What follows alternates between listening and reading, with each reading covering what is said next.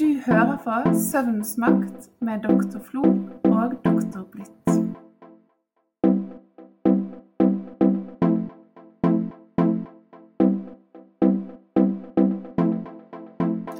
Hei, Elisabeth. Hei, Kjersti. Så kjekt å se deg igjen. Takk, det samme. I dag skal vi snakke om noe som egentlig en god del har utfordringer med, eh, nemlig smerter. Og vi skal jo egentlig da også snakke om hvordan smerter forholder seg til søvn, og Ja. hvordan dette samvirket fungerer, og hvordan søvnen vår blir når vi har det vondt. Mm. Eller hvordan eh, søvnen vår igjen også kan påvirke smertene våre. Og her er det litt sånn finurlige, finurlige mekanismer. Og da lurte jeg litt sånn på altså lurer jeg litt sånn på innledningsvis Har du hatt eh, smerter på en måte som gjør at det har vært vanskelig for deg å sove? Vet du hva, jeg kan være med hånden på hjertet si at nei, så heldig er jeg at det har jeg faktisk ikke opplevd. Eh, Det er jo ikke det at jeg aldri har hatt vondt, jeg kan ha vært syk og hatt hodepine, men stort sett da så har søvnen vært en herlig frihet på slutten av dagen hvor man legger seg ned og kjenner at kanskje etter en natts søvn så vil jeg ha det bedre, og så har det gjerne hjulpet. Um, så jeg har aldri vært, eh, selv om jeg har vært syk uh, og gjerne også sovet dårlig for at jeg har vært syk, så har jeg aldri følt at en smertetilstand uh, har holdt meg våken. Men derimot, og det er jo litt interessant, så hvis man snur det på hodet, jeg har opplevd at hvis jeg har sovet dårlig, Mm. så påvirker det smerteterskelen min. Ja. Eh, altså det er eksempel å presse seg i en treningssammenheng, eller eh, eh, det å tåle en hodepine når du sitter på jobb, eh, er litt vanskeligere når man har sovet dårlig. Så Mm. det, det kan jeg heller si at jeg har, har kjent på. For da har du på en måte litt endringer i din smerteterskel, da, og egentlig hvordan du opplever, opplever deg sjøl i forhold til de eh, sanseinntrykkene som du har. Ja. Jeg eh, har jo egentlig heller ikke hatt noen sånn veldig invaderende smerteproblematikk som har gjort det krevende for meg å sove. Jeg har derimot hatt jeg har hatt eh, kronisk bihulebetennelse som jeg har hatt et inngrep for. Uff. Faktisk, eh, Ja. ja. Det må jo man mm. si er litt sånn kjedelig. Mm. Og det medfører jo ofte en god del hodepine. Ja. Eh, og det har jeg da opplevd at kan eh, virke på innsovningen min tidvis. Det har det faktisk. Så noe av det har jeg vært borti. Mm. Men jeg tenker at eh, smerter er noe som jeg har utrolig stor respekt for. Det ulike mennesker som går rundt med smerteproblematikk av ulik art, det må være en veldig krevende situasjon å, å være i. Ja, og så er det interessant, for det er jo noe du Altså, jeg tenker det er litt sånn som søvn, at det er så all, det, er, det er noe gjerne alle i ulik grad opplever i ulike formater gjennom livet, så alle har jo et forhold til dette. Men så tror jeg òg at det kan være kanskje vanskelig for en del som ikke, særlig som ikke har opplevd kronisk smerte, å gjerne sette seg inn i hvor krevende det er for de det gjelder. For det, det er jo det som gjerne er litt vanskelig, Kjersti. For hva, hva er egentlig smerte? sant? Kan, vi som, kan jeg si noe om hvor vondt du skal ha det når du opplever eh, noe, f.eks.? Eller er det subjektivt? Mm. Ja, det er et godt uh, poeng. sant? Altså, for det er smerter, det er jo egentlig et ubehagelig på en måte sensorisk stimuli og emosjonell erfaring som er på en måte en faktisk skade, eller at du har potensial for et skade. Eh, sånn at du kan også kjenne smerter. Samme type på en måte smertestimuli kan bli oppfattet ulikt Ja. i, på ulikt tidspunkt i løpet av dagen. Mm. Og situasjonen du befinner deg i, vil også farge smerteopplevelsen eh, som du får.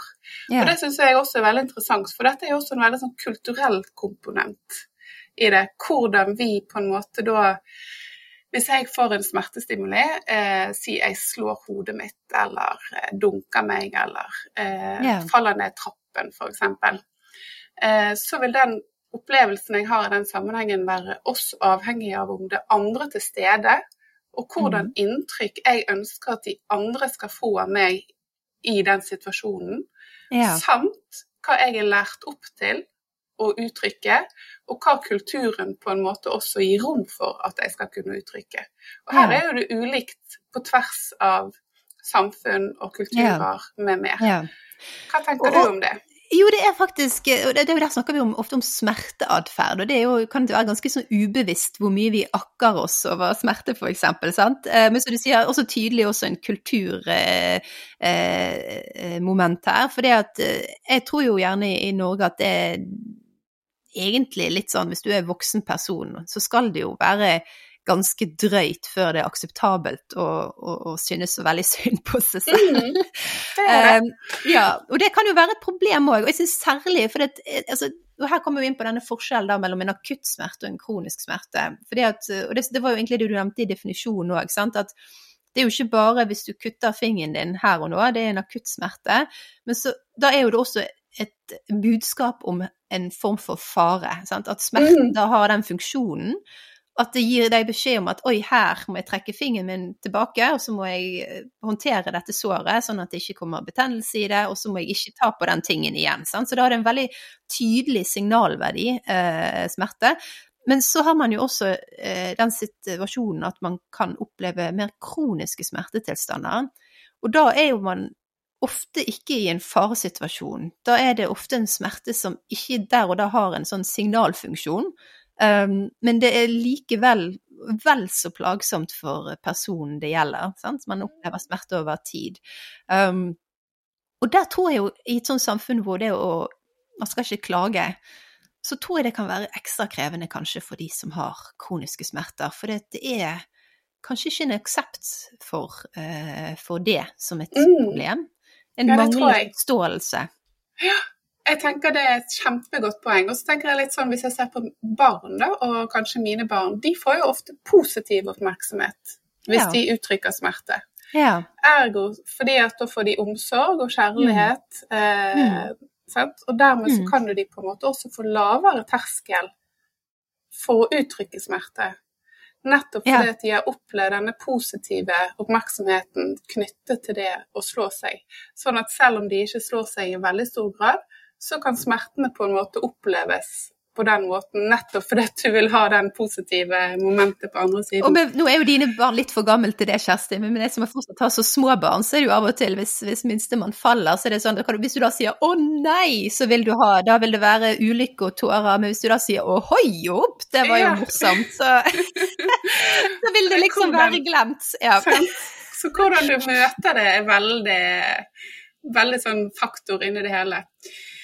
Og det betyr også at det er mye læring i det. Men dette her syns jeg illustrerer hvor godt at dette er et sammensatt fenomen. sant? Veldig komplekst. Og dette her med et bestemt type smertestimuli, det kan gi varierende type smerteopplevelser, og at graden av smerte kan variere fra situasjon til en annen. Men hvordan måler vi dette? Vi kan måle det med eh, reaksjonstid. sant? Ja. Altså det, det, som du var litt inne på i sted med at du trekker deg tilbake, f.eks. Når ja. du opplever, eller at du sier at 'nå kjenner jeg smerte' på en skala fra null til ti, f.eks. Ja. Og det er jo veldig, altså jeg tenker her er vi jo inne i mer sånn eksperimentell, sant. Altså, sånn som f.eks. på Psykologisk fakultet ved Universitetet i Bergen, så er det noen gode kollegaer av meg som har gått til innkjøp av en såkalt kuldetank. Ja. Som holder temperaturen veldig lav, altså, sånn, men jevnt veldig lav. Jeg lurer på om det er sånn fem grader eller noe sånt. Og der eh, handler jo det da rett og slett du sier, hvor, altså det handler om smerteterskel. sant? Hvor lenge klarer du å holde hånden oppi denne karet til, før du er nødt til å trekke den til deg? Eh, og det er enorme forskjeller, individuelle forskjeller på hva man klarer eh, der, altså. Så det, jeg prøvde den. Jeg var ikke sånn super Jeg, hadde ikke sånn veldig, jeg var ikke så veldig barsk, for å si det sånn. Nei, men er ikke det interessant det du sier ja. der? For barskhet, du tenker automatisk at det å tåle smerte, da er du barsk. Ja. Hvis du derimot sier ah, så er du, da er du litt sånn pinglete, rett og slett. Du må tåle det.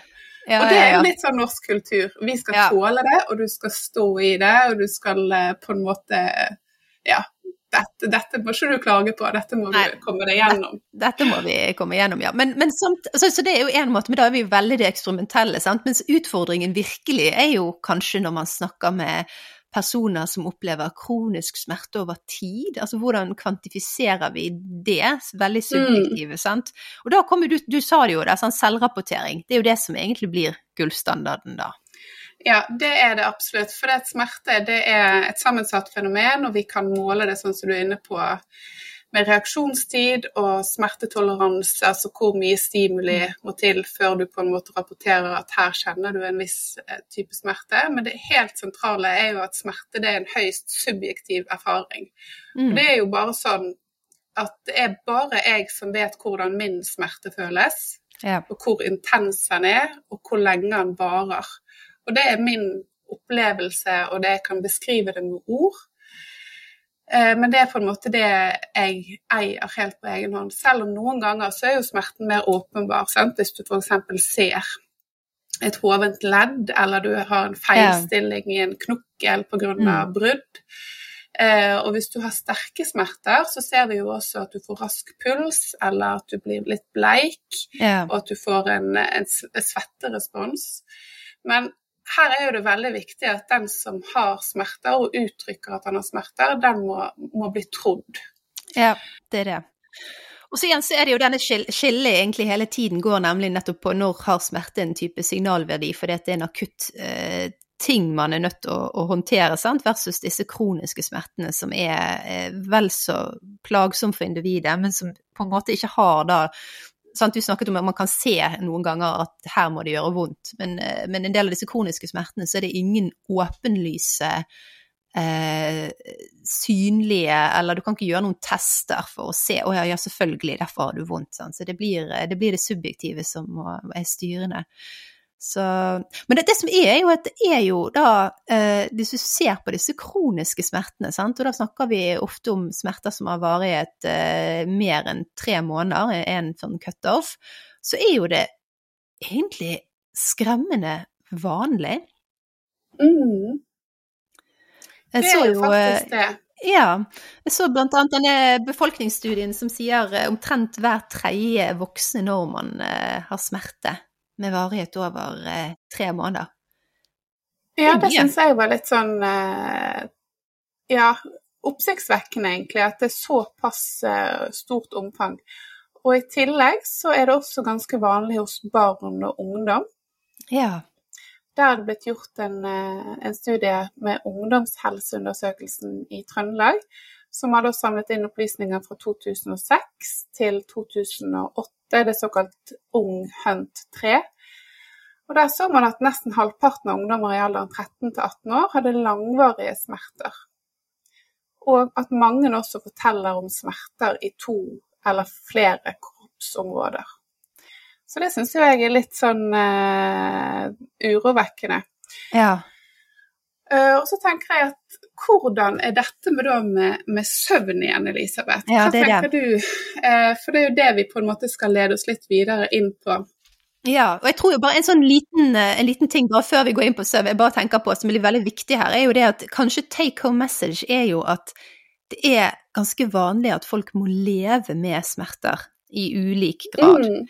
Og at det er ikke det, ikke det, at vi skal ta lett på det, men at uh, eh, f.eks. behandling for, for, kronisk smerte handler jo egentlig veldig ofte om at man skal gå litt ut av den krisemaksimeringen som gjerne er nødvendig når man har akutte smerter, og så faktisk lære seg å, å leve med smerten, uh, og ikke bli redd eller eh, sant, og, og, og, kanskje holde seg fysisk aktiv selv om man opplever smerte. Uh, så dette er når man da ser på hvor høy prevalens det er, så sier det også litt om at uh, viktigheten med å klare å leve med det blir en utrolig vesentlig del i at folk skal kunne fungere selv om de da har smerter, da. Mm. Ja. Men det var, sorry, det var en digresjon, for det er søvn vi egentlig skal snakke om, og det var det vi var på vei inn i. Det kjempe, kjempeviktig å ta med det, for det er jo rett og slett hvordan håndtere det når omfanget ja. er såpass stort. Ja. Og det kan være såpass invaderende, og hvordan du må også da klare på en måte å, å finne en ro med situasjonen du er i. da. Uh, men her kommer jo egentlig søvn inn som en faktor. Absolutt. Ja. Så jeg tenker at uh, når vi sover, så er jo det sånn at de fleste sanseinntrykk, det har vi jo snakket om, uh, kommer jo ikke videre sant? inn mm. til, til, hjernen når du på en mm. måte er litt avkoblet det som skjer rundt deg. Mm, mm. Men i noen tilfeller, når du har sterke smerter, så kan jo man oppleve å våkne egentlig, da, av, eh, av disse smerteopplevelsene.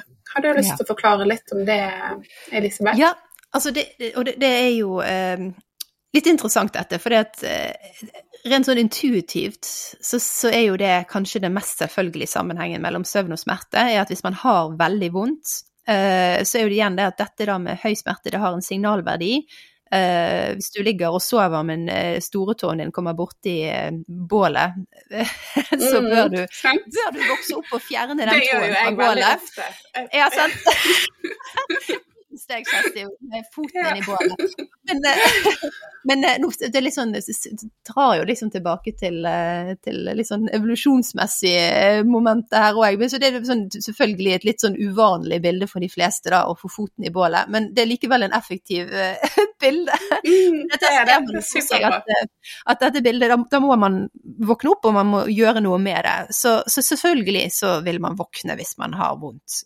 Men um, hvis man ser på en del studier, så er det egentlig slik at uh, det er en vel så stor uh, sammenheng mellom uh, det å ha sovet dårlig og det å oppleve smerte.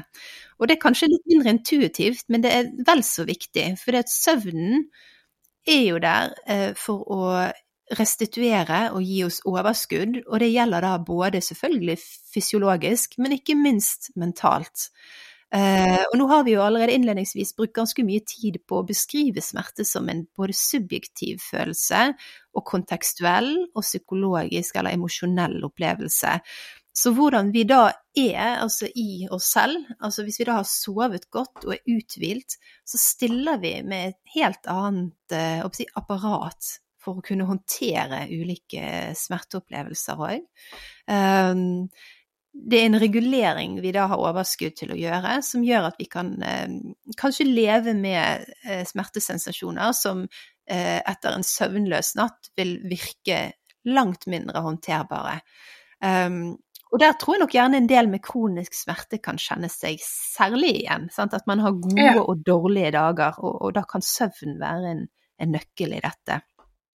Ja, dette her som du er inne på her, Elisabeth, det peker jo egentlig på dette bidireksjonale forholdet mellom søvn og smerte. Fordi at det du sier er at når vi har sovet dårlig, så kan vi oppleve mer smerter. Eller du blir på en måte mer sensitiv og tolererer det i mindre grad. Nettopp. Og når vi da har det sånn på dagtid, og så skal vi da legge oss igjen på kvelden, så kan du igjen oppleve at du får forsinket innsovning, Mm. og du får mer intens utmattelse og mer smerter. Så den tar du med deg inn når du skal sove igjen, sånn at søvnen din blir dårligere igjen. Og Ja. så våkner du igjen til morgenen igjen, så er du enda mer prone, eller på en måte mer tilbøyelig til å kjenne Ja. smerte igjen.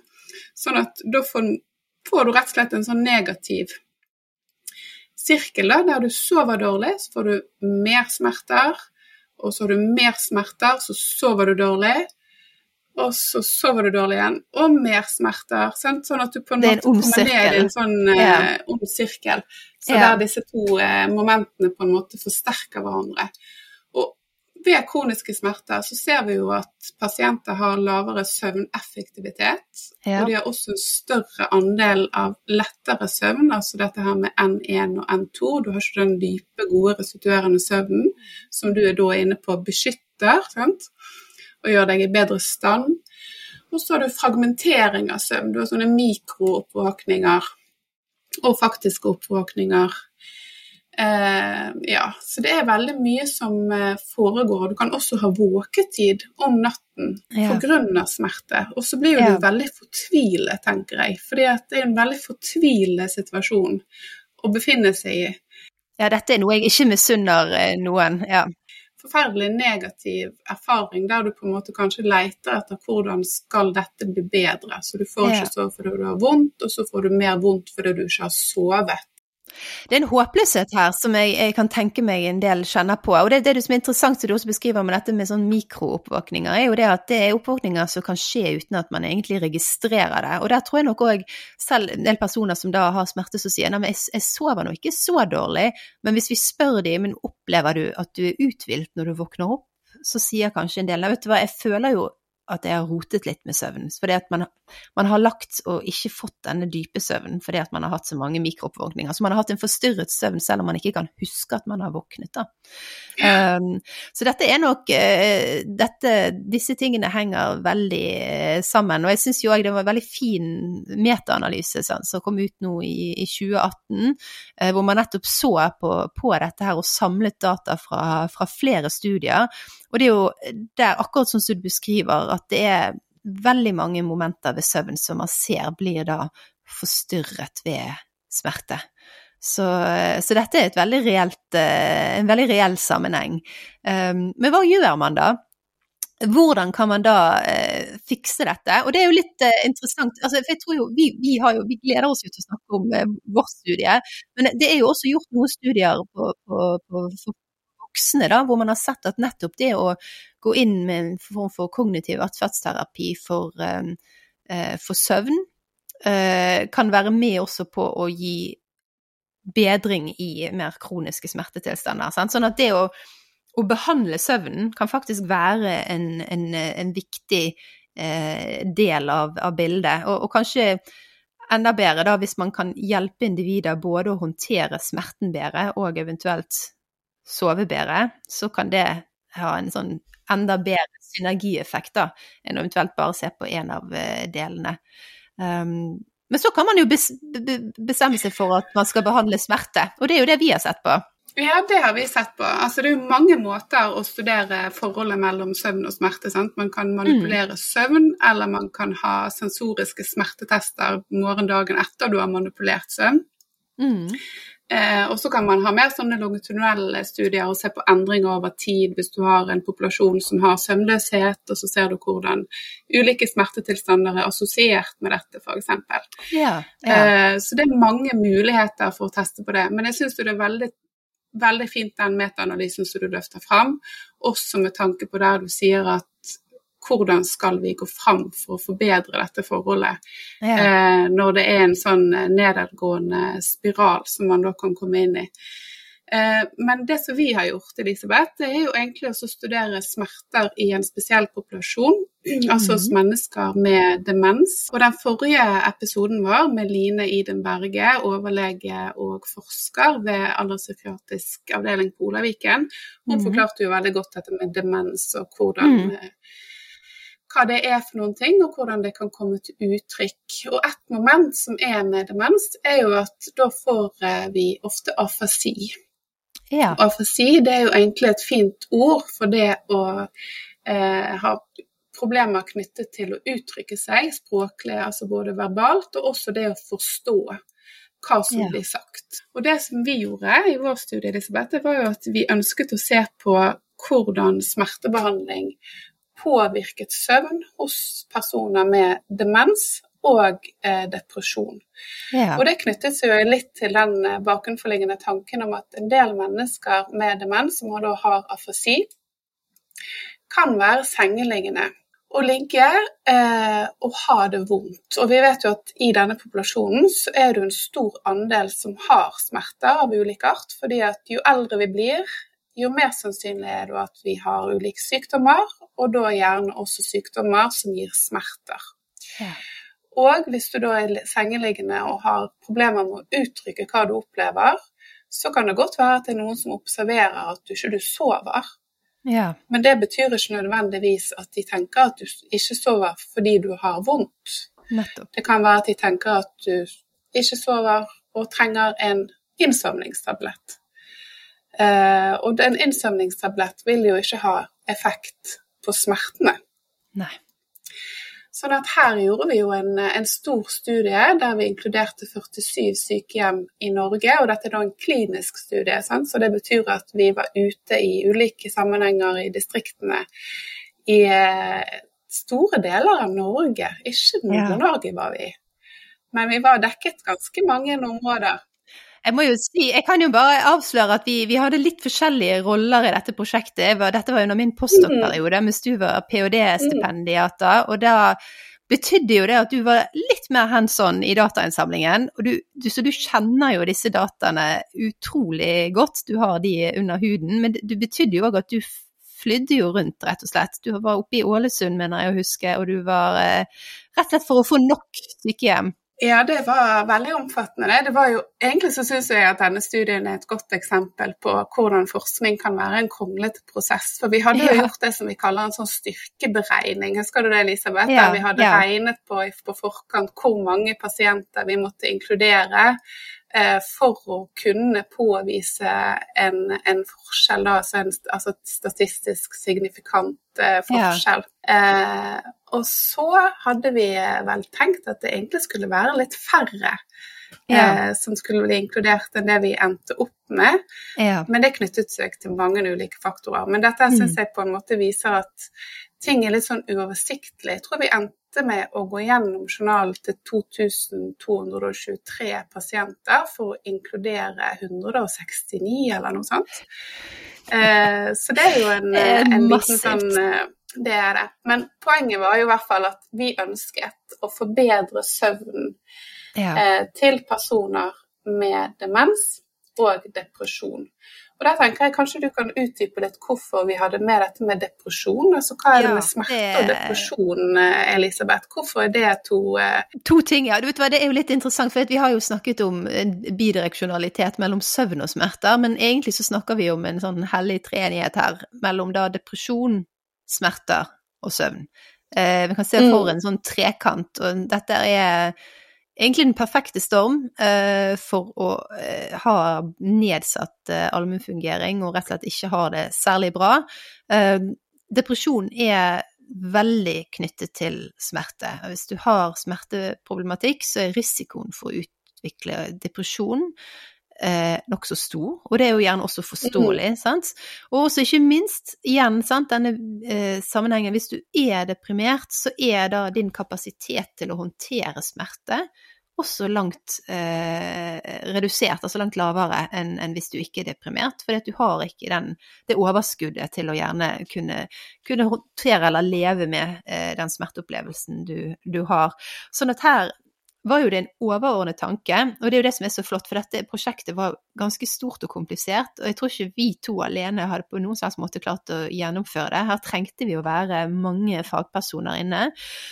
Og den opprinnelige tanken var rett og slett å se på personer med demens, der personalet eller personen selv var tydelig på at her var det en depresjon, framsto deprimert, og så var, var ideen om at da er det mulig en, en uoppdaget smertetilstand som vi må behandle, og at dette da igjen kan forbedre eh, depresjon. Det var én hypotese.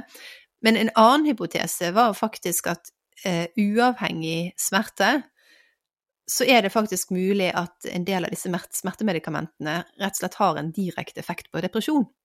Um, som da også er verdt å undersøke. Uh, så da eh, Bettina Husebø, som da egentlig allerede hadde sett på sammenhengen mellom eh, smertebehandling og effekten det hadde på bl.a. depresjon, eh, ønsket jo å gjennomføre denne studien. Og vi hadde også med oss da ph.d.-stipendiat eh, Ane Erdal. Eh, som du egentlig, dere to var jo makkere, da, og reiste rundt og, og samlet inn eh, data. veldig hyggelig og produktivt og godt samarbeid med Ane? Ja, og det, det, så dette, dette var, eh, vi var eh, litt av en gjeng, men som du sier, det var et kronglete og stort prosjekt òg, og jeg husker ikke hvor lang tid man brukte på denne datainnsamlingen. Jeg tror vi brukte rundt to år, faktisk, på å, si å gjøre det. Mm. Mm. Men jeg syns det du beskriver her, er jo kjempeflott. Og jeg syns på en måte det belyser forholdet i ytterligere grad med hvordan Mm. depresjon Mm. også eh, er et sentralt moment i det hele. Ja, Og så tenker jeg at det som vi fant da på søvndata, ja, eh, og da målte vi jo søvn med aktigrafi. ja. Eh, og aktigrafi det er jo egentlig en klokke. Altså det ser ut som en klokke som du da Mm. bærer med deg på armen. Og så strengt tatt så gir den informasjon om inaktivitet, som da kan bli klassifisert som søvn, kontra Mm. aktivitet som blir klassifisert som våkenhet. ja. Så de er jo på en måte en sånn grov kartlegging og har en del til felles med disse aktivitetsklokkene som folk i dag ja. bærer. ja. Eh, men han har nok litt mer nøyaktig eh, informasjon enn mange av de også, tenker jeg sånn intuitivt. Han har jo blitt sett i forhold til polisomografi, som er Ja. gullstandarden for å måle søvn, og Mm. da får du innsikt i de ulike søvnstadiene. Og der ser man vel en 86% overensstemmelse mellom aktografi og polysomnografi. Men det som er spesielt i den populasjonen, altså mennesker med demens, er jo at en del kan nok eh, gjerne også sitte mer i ro. Og hvis du har smerte i en del sammenhenger, så kan du også sitte i ro fordi at hvis du beveger deg, så kan det framprovosere smerte. Ja. Ergo så er det jo et litt mer unøyaktig mål, og nå er jo dette noen år siden vi har gjort dette. Mm. Og nå i nyere tid så tenker jeg at vi i større grad har gått vekk fra å tenke på aktografi som en veldig god metode for å måle søvn, og i dag ville vi nok absolutt ha supplert med andre metoder, kanskje i tillegg til aktografi, hvis Ja. vi kunne og skulle gjort Ja. denne studien på nytt, så hadde vi jo kanskje gjort det med med også rapport fra Proxy, altså Ja. brukt sykepleiere på avdelingene for å vurdere det i større grad ved hjelp av bedre verktøy, og kanskje vurdert radarteknologi. Mm. Og det som er det er nok Det er mye vi kunne gjort. altså Det, det der er jo klassikeren òg, når vi gjennomfører sånne forskningsprosjekter. Du sitter i etterkant og tenker ah, jeg skulle gjort dette, Mm. eller å, jeg burde husket på det. Men så er det jo slik òg at de, forskning er i stadig utvikling, og vi lærer hele tiden nye ting. Det du beskriver, Kjersti, er jo at det er et problem å måle søvn hos personer med demens. Eh, Men det problemet er nok uansett om vi hadde brukt radar eller aktigraf, eh, fordi vi har med en populasjon som, som du sa òg, er veldig immobil. Mhm. Eh, og, og det man ser òg med disse ulike målene, også med, med radar f.eks., er jo det at med en gang du har en, en gruppe mennesker som sliter med søvnen, eller som er syke av andre grunner, så er det mye vanskeligere å måle søvn, med mindre man bruker eh, polysomnografi, da og ser på hjernen. Så jeg tror jo Jeg tenker jeg, jeg gir oss selv en klapp på skulderen og tenker at gitt den utfordrende gruppen vi eh, inkluderte i denne studien, så gjorde vi så godt vi kunne. Jeg også Eh, tenker det. Absolutt. Men, men jeg tror nok samtidig eh, Altså, vi, vi gikk inn da, og så ga vi jo da smertebehandling, sant, i, i en sånn eh, sånn trappeformat. Sant? At hvis noen allerede sto f.eks. på Paracet, så gikk man opp på et høyere nivå. Mm. Eh, og det høyeste nivået, det var eh, sånn åh, Hva heter disse Det var buprenorfin, som er Ja. et opiat, eller sånn smerteplaster. Ja. Eh, Så det Eh, var alternativene som var på, ja. på bordet da, i forhold til hva som kunne vært aktuelt. Så fant vi jo i den første artikkelen som publiserte, da så vi på effekten på kort tid, og fant vi en Mm. effekt på total søvntid ja. som forbedret seg, og også i forhold til innsovning. Eh, og i knyttet til antall oppvåkninger, mener jeg. Men denne effekten var relativt kortvarig, fordi at vi Ja. også valgte å gå mer dypere inn i datamaterialet for å se på om dette holdt seg over tid, ja. og hvordan vi egentlig kunne forstå disse dataene i en større sammenheng. Og da fant vi at over tid, og da er det snakk om over tre måneder, så var det ikke på denne måten. Da fant vi ingen effekt Nei. over lengre tid. Og det er jo Nei. viktig innsikt å få, fordi at i en del tilfeller så forsøker man jo å gi smertebehandling eh, når man på en måte leter etter årsaker til det som man ser kommer til uttrykk hos en pasient. Ja. Hvis pasienten ligger våken, så lurer du på om det kan det være smerte. Hva er det som beveger seg? Må vedkommende på toalettet? Er det sult? Hva er det som skjer her? Mm, mm. Og det illustrerer jo egentlig viktigheten av denne individuelle tilnærmingen. Og det gjelder jo oss alle, det gjelder jo ikke bare mennesker med demens, men forsøke på en måte å gå inn eh, og finne ut av hva er det som beveger seg, hva er det som gjør at, eh, at du er våken. Eh, også forsøke å gripe tak i problemene som, som eventuelt er der. Ja. Og det som er interessant der, Kjersti, er jo det at vi snakker jo om forholdsvis sterke eh, smertemedikamenter, og, og så snakker vi om en veldig sårbar gruppe. Så en av våre hypoteser var jo rett og slett at de effektene man så på aktigrafen, så da egentlig betyr jo ikke nødvendigvis at de hadde bedre søvnkvalitet, det betydde jo egentlig bare at de var mer i ro. At det kan være en sånn såkalt sederingseffekt, at de rett og slett egentlig bare var mer i ro fordi at eh, idet de begynte på en sterkere smertebehandling, så var de eh, rett og slett mer sedert, og så avtok den sederingen over tid. Eh, sånn at det er jo en mulighet, og det er jo litt sånn trist hvis det kun var det som som var eh, effekten. Men det er jo også mulig, jeg har jo tenkt på det òg, at det er jo gjerne òg mulig at, eh, at, det å gi de denne smertebehandlingen over eh, disse tre månedene hadde en mer, eh, om ikke kurativ effekt, men at eh, det man hadde å vinne på å gi smertebehandling, eh, var mer akutt, eh, og at da så man også en akutt effekt på søvn. Mens over tid så var det et mindre behov, og også da et mindre utbytte eh, på, på, søvn. Så det er jo mange måter å tolke dette på, da. Eh, men det, i hvert fall, det sier jo noe om at dette er på ingen måte rett frem. Det er veldig vanskelig å studere. Så tenker jeg at ja. dette er jo et lite bidrag i et stort område. Ja. Og det må mye, mye, mye mer til for å få mer innsikt. Mm vi kommer nok aldri til på en måte å finne alltid ut av ting. Det er jo det som er med forskning. Nei. Det er ikke noe sånn endelig har, har, vi det, på en måte. Det er jo eh, et lite steg på veien, og så blir man litt klokere, forhåpentligvis, mm. hvis man har mm. gjort det på en god nok måte. Men jeg tror jo til syvende og sist, jeg tror nesten det viktigste Uh, som jeg også tenker på som en signaleffekt her, er det at uh, dette studiet, da, som hadde fokus både på depresjon, på søvn, på smerte, det fikk midler fra, de fikk midler fra NFR, det fikk mm. midler fra Helse Vest, eh, og vi brukte masse tid på å snakke med sykehjemsansatte over hele landet eh, om nettopp fokus på kanskje det kan være smerte.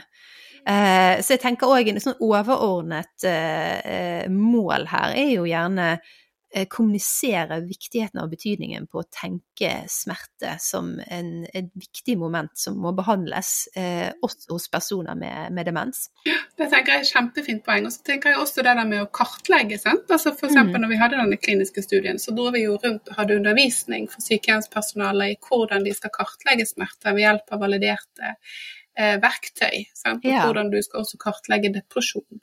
Ja. Eh, sånn at det var jo faktisk en god del eh, momenter som jeg tenker også kunne vært interessant å se på sånn implementeringsmessig. Sant? Så det er jo mange ja. ting vi skulle gjort litt mer parallelt ja, ja, der. Sant? Sånn at retrospektivt så dukker det alltid opp Oi, det hadde vært bra.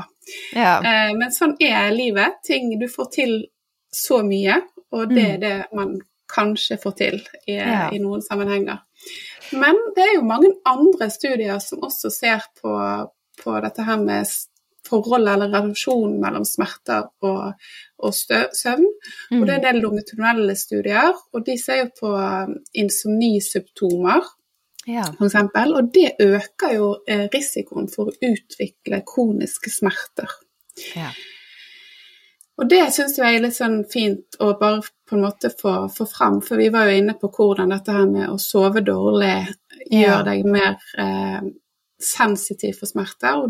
Og Gjennom andre langtunnelige studier så er det sånn at søvnforstyrrelser predigerer neste dags smerter hos ja. pasienter med depresjon og hos eldre. Ja, og vi må jo vi må ikke glemme at dette med søvn Nå har vi snakket mye om personer med demens, men denne sammenhengen er veldig vesentlig uavhengig alder og, og, mm. og tilstand. Eh, og jeg tenker jo òg eh, nettopp dette med insomni eh, det, det sier jo noe om at det å ha dette stadige fokuset på at ta søvnen din på alvor, det er en viktig del av din totale helse, sant. samtidig skremmende det er jo en enorm økning i insomni i den norske befolkningen. Sant? Fra tidlig mm. 2000-tallet til nå så har det vært nesten en dobling i prevalens av insomni i den voksne befolkningen.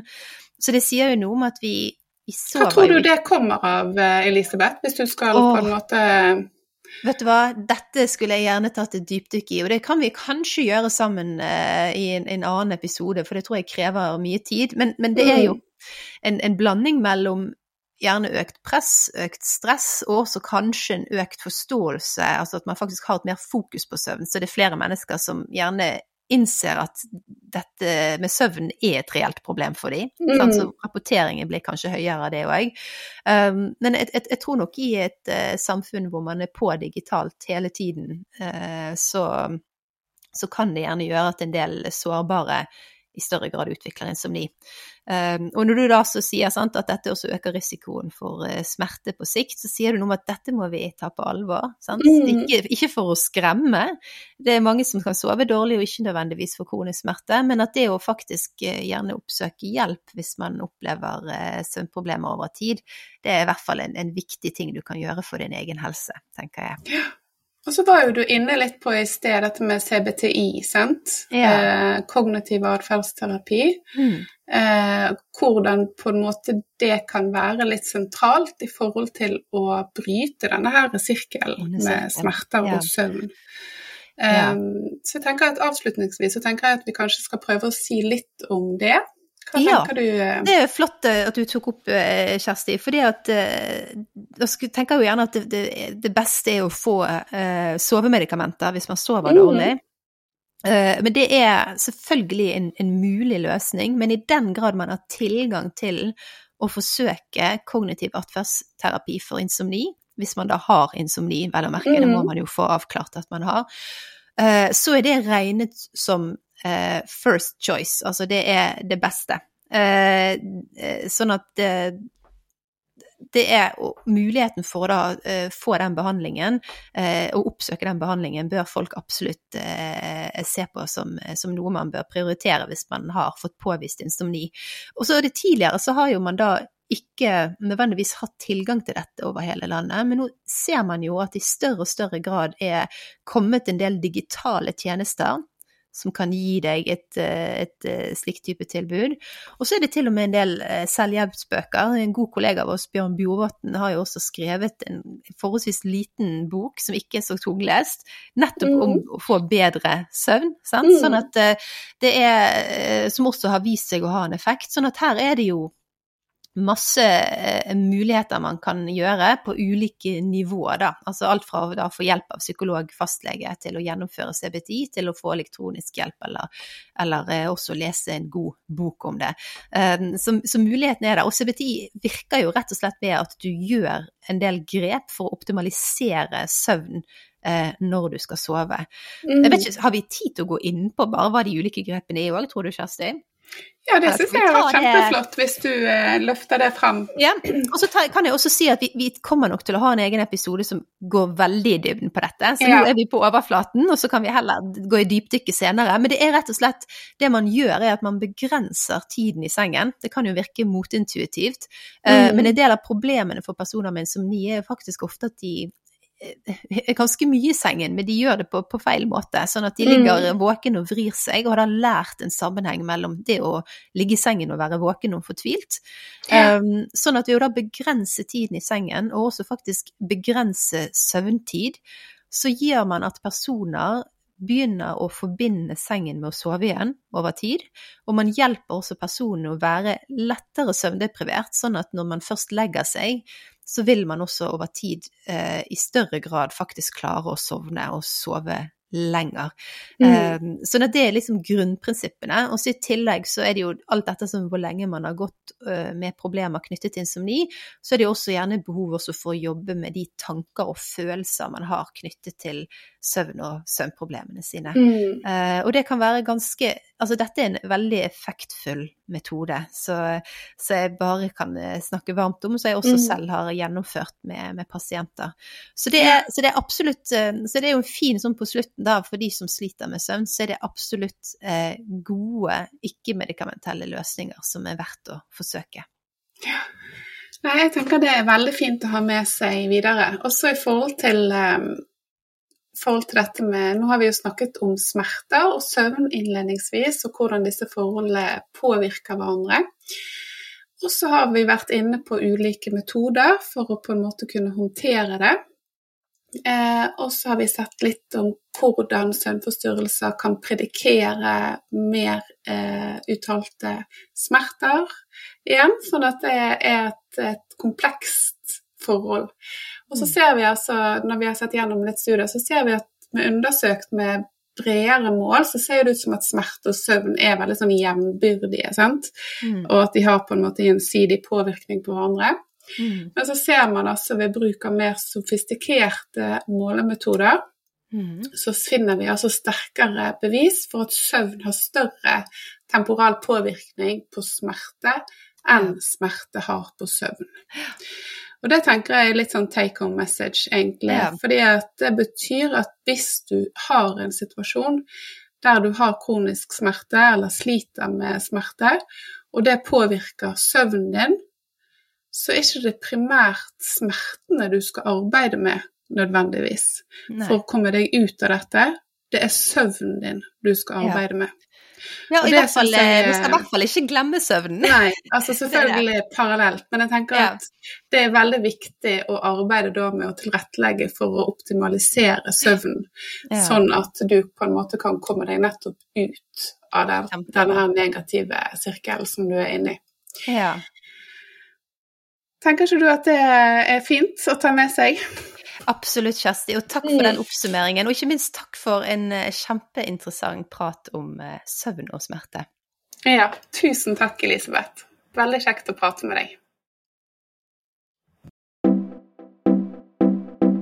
Takk for at du hørte på Søvnsmakt med Dr. Flo og Dr. Blitt.